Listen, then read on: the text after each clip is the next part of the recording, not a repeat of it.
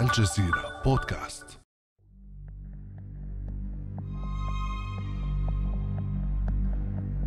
لم يكن مشهدا معتادا في عالم كرة القدم، لذلك توقف عنده الكثيرون عبر العالم، ففي مشهد الافتتاح الباهر لكأس العالم في قطر لم يكن للعين أن تخطئ فقرة من أكثر فقراته لفتا للانتباه والإعجاب.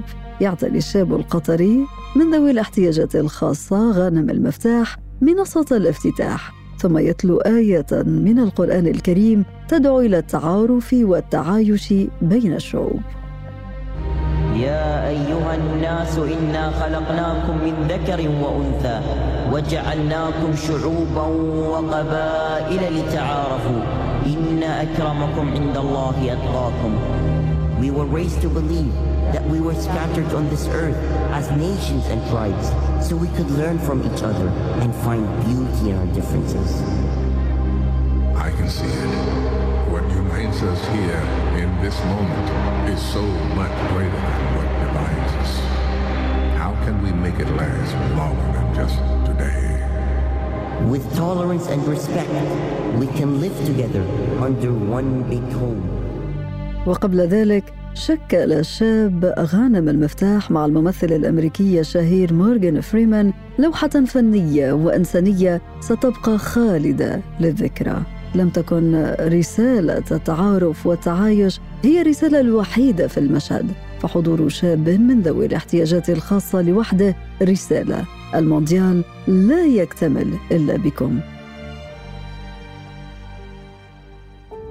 أنا امال العريسي وهذه حكاية جديدة من بودكاست الجزيرة بعد أمس. حكايتنا اليوم عن مونديال قطر وذوي الاحتياجات الخاصة وأسعد في هذه الحلقة باستضافة الأستاذة نهال الصالح مسؤولة ملف سهولة الوصول والاستدامة لكأس العالم في مؤسسة قطر. أهلا وسهلا بك أستاذة نهال. أهلا وسهلا وود أن أبدأ بالشكر الجزيل للجزيرة على استضافتكم لي اليوم في بودكاستكم.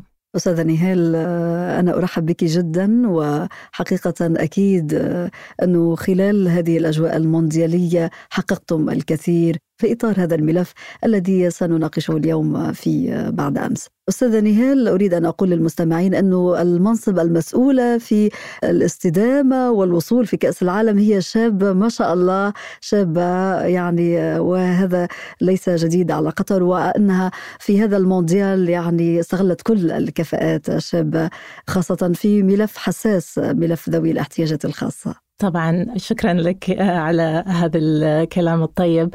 طبعا هذه كانت رحلة تعاون بين كافة المجتمع مع المراكز واللجنات المسؤولة عن تنظيم بطولة كأس العالم. فيكون لي الشرف أني أكون جزء صغير من كل اللي قاعد يحدث الحين في قطر. الحمد لله رب العالمين أن نحن نقدر نمثل هذه النسخة باسم كل العرب وكل المسلمين في مونديال قطر. ونحن سعداء بك أستاذة نهال لنستمع إلى هذا المقطع لرئيس الفيفا جياني أنفانتينو ثم نعود Welcome to uh, Doha to celebrate football, to live together the greatest show on earth and the best World Cup ever.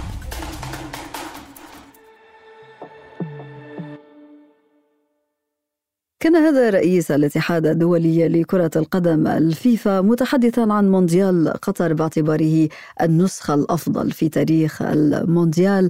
فكيف جعلتم من هذه النسخة كذلك أستاذة نهال خاصة وأنك المسؤولة عن ملف سهولة الوصول والاستدامة لكأس العالم في مؤسسة قطر؟ طبعا نسخة المونديال في 2022 تختلف عن جميع المونديالات السابقة.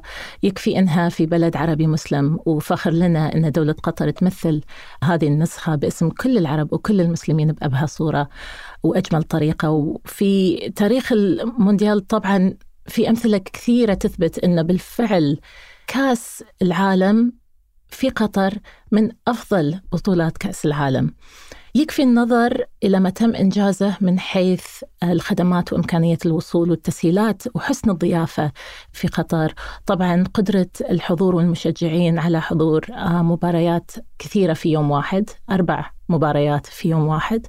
ويسعدني أيضا أني أرى العمالة الوافدة في دولة قطر سعيدين بإنجازاتهم وبكل الفعاليات اللي وفرت بشكل مجاني. في الدولة وهذا الشيء يزيدني أنا فخر بأنه كأس عالم عالمي بمعنى الكلمة. ولفت انتباهي أيضا أن العديد من الأشخاص اللي قد لا يتمكنوا من حضور كأس العالم من قبل في هذه المنطقة أو تمكنوا من حضورها الآن بحكم موقع قطر في العالم وأيضا أن تركيبة السكان في دولة قطر تمثل مجموعة متنوعة من الثقافات والجنسيات. وفتحت البطولة طبعا باب جديد في مكان مختلف. عما تعودنا عليه في المونديالات السابقة ألا وهو إنشاء الفرصة والمجال لكثير من الأطفال والنساء اللواتي لم تكن كرة القدم في قائمة اهتماماتهم. ف... غيرتم الكثير غيرنا الكثير نعم. وقدروا إنهم يقعوا في حب كرة القدم. آه، وهذا الشيء ملموس جدا في هذه البطولة. الساحرة المستديرة يعني جلبت الكثير من العشاق عبر العالم من داخل قطر من خارجها. اليوم قطر محط أنظار العالم نهال خاصة في هذه المسألة مسألة الوصول والنفاذ إلى كل المنشآت المتعلقة بالمونديال منذ لحظة الوصول إلى المطار إلى الجلوس. في المكان المخصص لذوي الاحتياجات الخاصة في الملعب في صالون الانتظار في البوابات في الفان زونز حدثينا عن كل هذا أستاذة نهال كيف تمكنتم من إيصال هذه المتعة متعة المونديال لكل هؤلاء؟ طبعا للإجابة على سؤالك أكبر عنصر نجاح للبطولة هو آه، سهولة الوصول والخدمات الميسرة للترحيب وتسهيل الوصول إلى الاستادات وإلى المناطق المختلفة في قطر لذوي الاحتياجات الخاصة. فأود أن أبدأ أولا التطرق إلى معنى سهولة الوصول لنا.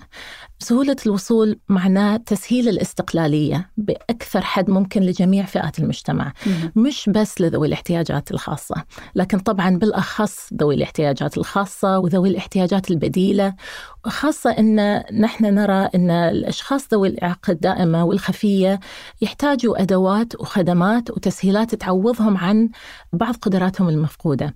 أيا كانت إذا كانت بدنية أو بصرية أو سمعية أو ذهنية أو حسية أيضا. فمن ناحية تسهيل الوصول هذه هي فكرتنا نحن عن سهولة الوصول وأين الجديد في هذا الموضوع؟ يعني هذه النقطة موجودة في الكثير من المحافل الدولية أستاذة نهال ما الذي أضافته قطر؟ ما الذي يميز مونديال قطر بخصوص مسألة الوصول والنفاذ؟ أعتقد أن رحلة الشمولية وسهولة الوصول في قطر هي رحلة لن تنتهي نحن راح دائما نسعى أن نحسن من الشمولية في دولة قطر. لكن الجميل في هذه الرحلة أن صار في تعاون كثير من جهات كثيرة تقريبا 30 مؤسسة اجتمعت مع بعض عشان آه، نشتغل على تسهيل الوصول وتسهيل النفاذ. طيب أعطيني أمثلة. مثلا أنا أم عندي ابن من ذوي الاحتياجات الخاصة ويريد أن يحضر مونديال قطر. كيف يمكن له أن يشاهد المباريات كيف له أن يتجاوز كل الصعوبات التي يمكن أن تواجهها؟ طبعا مثل ما قلت لم نقم بشيء بطريقة منعزلة في مؤسسة قطر. طبعا كان الجهد جبار عن طريق 30 مؤسسة تقريبا تعاونوا مع بعض مثل قطر 2022 واللجنة العليا مدى الوزارات وزارة المواصلات طبعا كان لهم دور كبير الهيئة العامة للسياحة المطارات. أشغال فكان يعني جهد جبار وتعاون جبار. مراكز معينة مثل سنسري سوق ومركز قطر للسمع والنطق ساعدونا في تصميم هذه الرحلة مع بعض. فطبعا أهم شيء قبل لا أتطرق إلى ماذا فعلنا هو أن أصحاب ذوي الاحتياجات الخاصة وأهاليهم كانوا معانا في هذه الرحلة. وكان لهم دور لأن نحن نؤمن بمقولة لا شيء عننا بدوننا. ف أول الأعمال اللي تعاوننا فيها مع يعني اللج... تصميم البرامج كان بالشراكة مع أولياء أو نعم. يعني آه، ذوي الاحتياجات الخاصة في حد ذاتهم حتى تلبوا آه، مطالبهم واحتياجاتهم. طبعا نلبي مطالبهم ونفهم منهم لأن في النهاية أكثر شخص يعرف باحتياجاته هو الشخص ذوي الاحتياجات. مهم. أول الأعمال اللي تعاوننا فيها كانت مع اللجنة العليا هو برنامج تمرين. ونستعرض آه، في برنامج آه، تمرين مجموعة من الأدوات الخاصة بالمعلمين طبعا أنا أتكلم عن برنامج تمرين كبداية لأن سهولة الوصول عن طريق البنية التحتية طبعا شيء تحصيل حاصل. لكن إن نتكلم عن التفاصيل أدق التفاصيل مثل إيجاد برامج تعليمية متاحة للكل عبر العالم عن طريق برنامج تمرين اللي هو موجود على آه، موقع اللجنة العليا وفيفا. هذا شيء مهم إن رسالة جديدة للعالم إن كأس العالم وبطولة كأس العالم في قطر لم تكن فقط لإحداث تغيير في البنية التحتية وسهولة الوصول والنفاذ ولكن فكرنا في كل تفصيل بما فيه التعليم لذوي الاحتياجات الخاصة. فهذا كان أول شيء اشتغلنا عليه. فيما يتمثل برنامج تمرين هذا بالضبط؟ يعني هو تجربة تعليمية لذوي الاحتياجات الخاصة حتى يعني يطلعوا على كل مراحل النفاذ والوصول إلى المونديال؟ هو برنامج تمرين عبارة عن أدوات تعليمية. مم. وطبعا فيها برامج كثيرة. بما فيها برنامج معين لذوي الاحتياجات اللي مؤسسة قطر كان لها دور فعال في تصميمه وكتابته. الحين هذا البرنامج لذوي الاحتياجات. دور مؤسسة قطر كان في تصميم وكتابة أدوات وموارد لمدة ساعة واحدة. آه، لجميع الأطفال ذوي الإعاقة الإدراكية آه، لمعرفة المزيد عن ميزات الاستعداد وفهم مم. المجتمع والمواضيع المتعلقة بكأس العالم. وأيضا فيه عروض تقديمية مم. وفيه أوراق عمل. وأيضا في اختبارات صغيرة. مم. فممكن للمدرس أو المعلم أنه يستعمل هذه الموارد في تعليم طلبته. جميل جدا هذا البرنامج أستاذة نهال لما فيه من تقارب وتقريب المعرفة من ذوي الاحتياجات الخاصة. فهمهم للعبة لكل مجريات المونديال. طيب نصل هنا إلى مسألة مهمة وهي تجربة المشجع الواصل للتو إلى مطار حمد الدولي. نعم طبعا. مثل ما قلت كل التفاصيل بحثت فيها وكل التفاصيل عملنا على تصميمها لأحسن نسخة لكأس العالم. عند وصول المشجعين إلى مطار حمد أو مطار الدوحة تتوفر الخدمات والتسهيلات لإمكانية الوصول لهم. طبعا توجد غرف حسية في مطار حمد ممكن أن الشخص يستعملها إذا كان عنده احتياجات حسية. عند الخروج من المطار تكون هناك وسائل نقل لذوي الاحتياجات خاصة بهم من ناحية التكاسي أو المترو أيضا ويمكن أنه يرتب الشخص النقل إلى الفندق عن طريق هذه التسهيلات المتاحة والتسهيلات هذه موجودة في تطبيق هيا. وأيضا عن طريق الفنادق. طيب آه. خلينا واحدة واحدة أستاذة نهال لنبدأ بفكرة الغرف الحسية فيما تتمثل؟ الغرف الحسية هي بيئة آه، يتم التحكم فيها بكافة عناصرها. آه، تتيح للمستخدم آه، تجربة مجموعة متنوعة من المنبهات. ونحن نعرف أن نحن عندنا حواس خمس. البصر والصوت واللمس والذوق والشم. لكن نحن نرى أيضا التوازن نوع من أنواع المنبهات الحسية. فطبعا هذه الغرف تكون طريقة نتحكم فيها بعناصرها ليحس المستخدم بالأمان مم. طبعا نعرف أن بطولة كأس العالم بطولة يكون فيها يعني تكون صاخبة في. بعض الأحيان خاصة مع المشجعين فيحتاج الشخص أنه يستمتع بالمباراة أو يستمتع بالأجواء الترفيهية ولكن أنه يكون له مكان أنه يقدر يروح له ويحس بأمان ويجد ويستمتع يعني يستمتع- يستمتع بالضبط. بالأجواء. نعم. وهذه الغرف الحسية هي نفسها الموجودة في المطار. تماما نجد مثلها تقريبا في ثلاث ملاعب مونديالية وهي التجربة الأولى من نوعها في تاريخ الفيفا. أليس كذلك؟ نعم الغرف الحسية هي أول مرة في تاريخ بطولة كأس العالم لفيفا موجودة في قطر. فهذا شيء طبعا نحن نفخر فيه. لكن الغرف الحسية ليست فقط في المطار وفي استاد البيت ولوسيل والمدينة التعليمية. اشتغلنا نحن بعد على غرف حسية في الكورنيش وفي الفيفا fan fest طبعا هذه الغرف الحسية موجودة في أماكن مهمة لأن بحكم الضوضاء والنور والضوء اللي موجود في هذه الأماكن الترفيهية والألعاب النارية يحتاج مرات الشخص ذوي الاحتياجات الحسية أنه يكون له مكان آمن أنه يكون فيها. طبعا إذا نتكلم عن الغرفة الحسية في المدينة التعليمية تذاكر طبعا تنباع على موقع فيفا الغرف كبيرة حجما ما لكن قررنا أن نصغر عدد الأشخاص في الغرف آه، لتمكين الأشخاص اللي يستعملوا الغرف أنهم يرتاحوا أكثر فيها.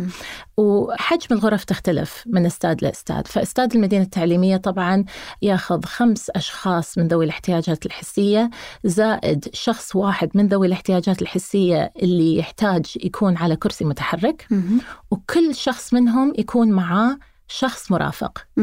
فطبعا هذا 12 شخص في المدينة التعليمية. المرافقين آه، يعني وفرتهم مؤسسة قطر أو أنه مرافقين من العائلة ذوي الاحتياجات؟ مرافقين من العائلة أو الأصحاب. استاد البيت طبعا أكبر غرفة حسية وياخذ تقريبا عشر أشخاص ومع مرافقين فهذا عشرين شخص.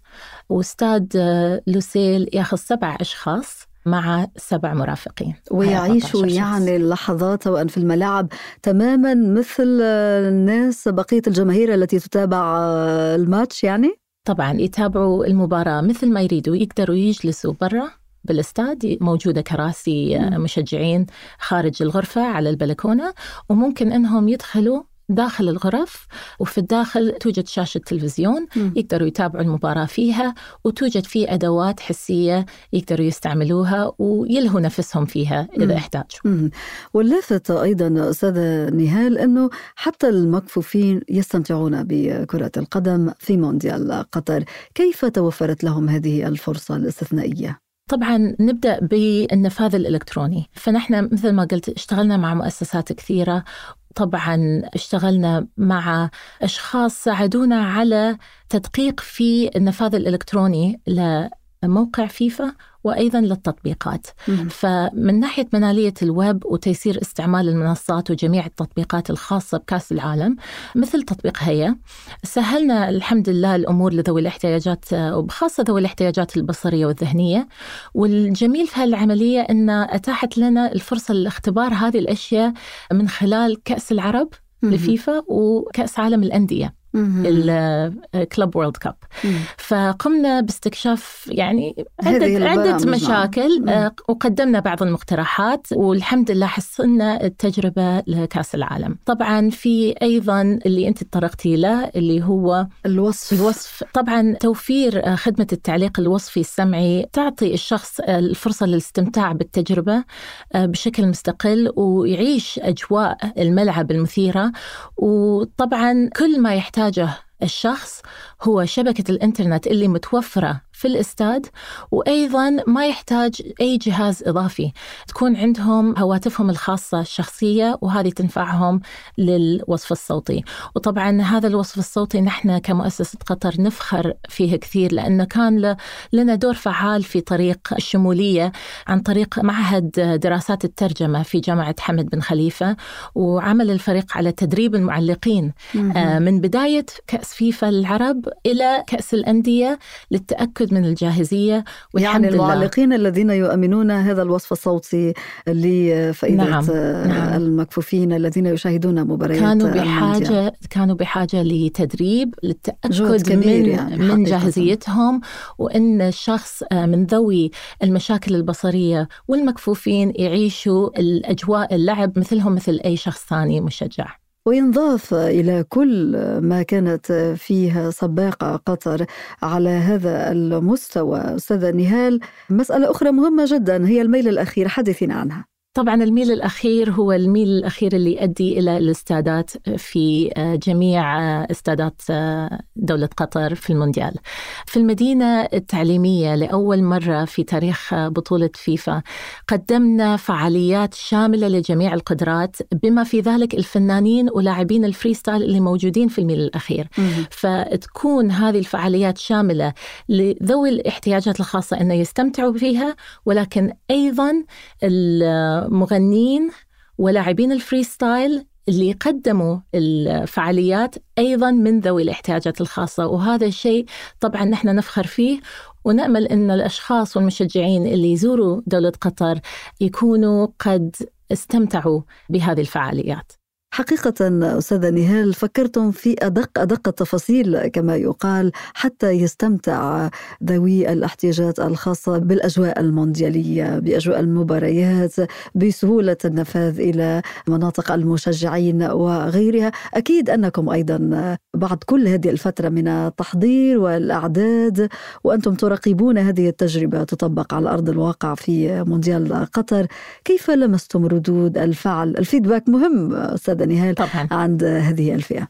طبعا آه، جانا فيدباك كثير عن طريق المشجعين وعن طريق المؤسسات اللي اشتغلنا معاهم. وطبعا هذه ما كانت رحلة سنة أو سنتين كانت سنوات عديدة من العمل والكفاح.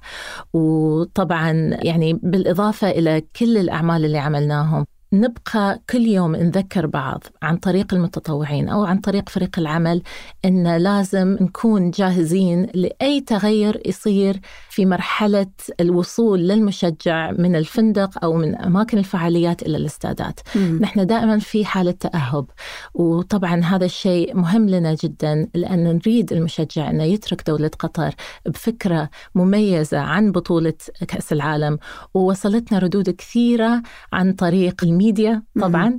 ردود كثيرة يعني تحسسنا أن نحن فعلا أنجزنا شيء آه، نفخر فيه وأنجزنا شيء راح يغير العقليات في المجتمعات وطبعا إن شاء الله في 2026 في بطولة الولايات المتحدة بدأ الكلام أيضا عن سهولة الوصول والجاهزية. نعم. فطبعا هذا يعني قطر هي التي بدأت هذه التجربة وستصدرها وهذا يقودنا للحديث عن إرث المونديال. إرث المونديال ما شاء الله شامل الكثير من المجالات ليس فقط البنية التحتية المواصلات ولكن جعل المونديال الأكثر إتاحة لهذه الفئة. فحدثينا عن هذا الإرث. أكيد أنكم سيتم تصدير كل هذه الكفاءات للاستفادة منها في الفعاليات الرياضية الكبرى. إن شاء الله طبعا الهدف من كل ما نعمله اليوم هو الإرث وأهم من ذلك أنه لا تنتهي كل جهودنا بالصافرة الأخيرة. فمثلا في مؤسسة قطر من ناحية الإرث طبعا آه، اللجنة العليا اشتغلت كثير على الاستدامة واشتغلنا كثير على سهولة الوصول ولكن ما معنى ذلك ما بعد البطولة. فنحن ننصب جهودنا على تعزيز الشغف بالرياضة للنساء والفتيات في قطر. ومثل ما تشوفي لأول مرة في بطولة كأس عالم للرجال توجد نساء على عائلات كاملة ما شاء الله. آه، مش بس في المشجعين ولكن على أرض الملعب. عندنا الحكمات, الحكمات نعم. نعم. فتعاونت مؤسسة قطر على مدار العام الماضي مع جهات طبعا رياضية رائدة مثل برنامج الجيل المبهر والاتحاد القطري لكرة القدم وزارة الرياضة لاستضافة فعاليات وتنظيم برامج وتسخير مرافقنا نحن في مؤسسة قطر في المدينة التعليمية لتشجيع المشاركة الفاعلة للنساء والفتيات في ممارسة الرياضة. وليس فقط في ممارسة الرياضة ولكن العمل في مجال الرياضة. الرياضة. وإن شاء الله راح يظل استاد المدينة التعليمية بمثابة نقطة التقاء رئيسية لمجتمع قطر بعد انتهاء البطولة ونهدف إلى بناء إرث دائم بالتعاون مع شركائنا. طبعا لجعل الاستاد في المدينة التعليمية وجهة رياضية. وأيضا خدمات مدارسنا راح نكملها ونحن طبعا دائما نركز على التكنولوجيا والتنمية والصحة والرفاه والاستدامة وهذه تعتبر ركائز من ركائز مؤسستنا. فطبعا نحن نرى أنفسنا كوجهة للإرث راح تكون مهمة كثير من بعد كأس العالم. حقيقة هذه الحلقة حاولت أن تختزل القليل من الجهد الذي امتد على سنوات منذ لحظة يعني نيل قطر شرف تنظيم المونديال. من أجل أن توفروا هذه المتعة لكل فئات المجتمع دون استثناء حتى يستمتع به الكل هنا في قطر تجارب استثنائية غير مسبوقة في هذا المجال لفائدة ذوي الاحتياجات الخصوصية. وإرث كبير يفخر به ليس فقط أهل قطر كل العرب والمسلمين في المنطقة. الأستاذة نهال صالح مسؤولة ملف سهولة الوصول والاستدامة لكأس العالم في مؤسسة قطر. شكرا جزيلا لك وبوركت جهودكم. شكرا. كان هذا بعد أمس.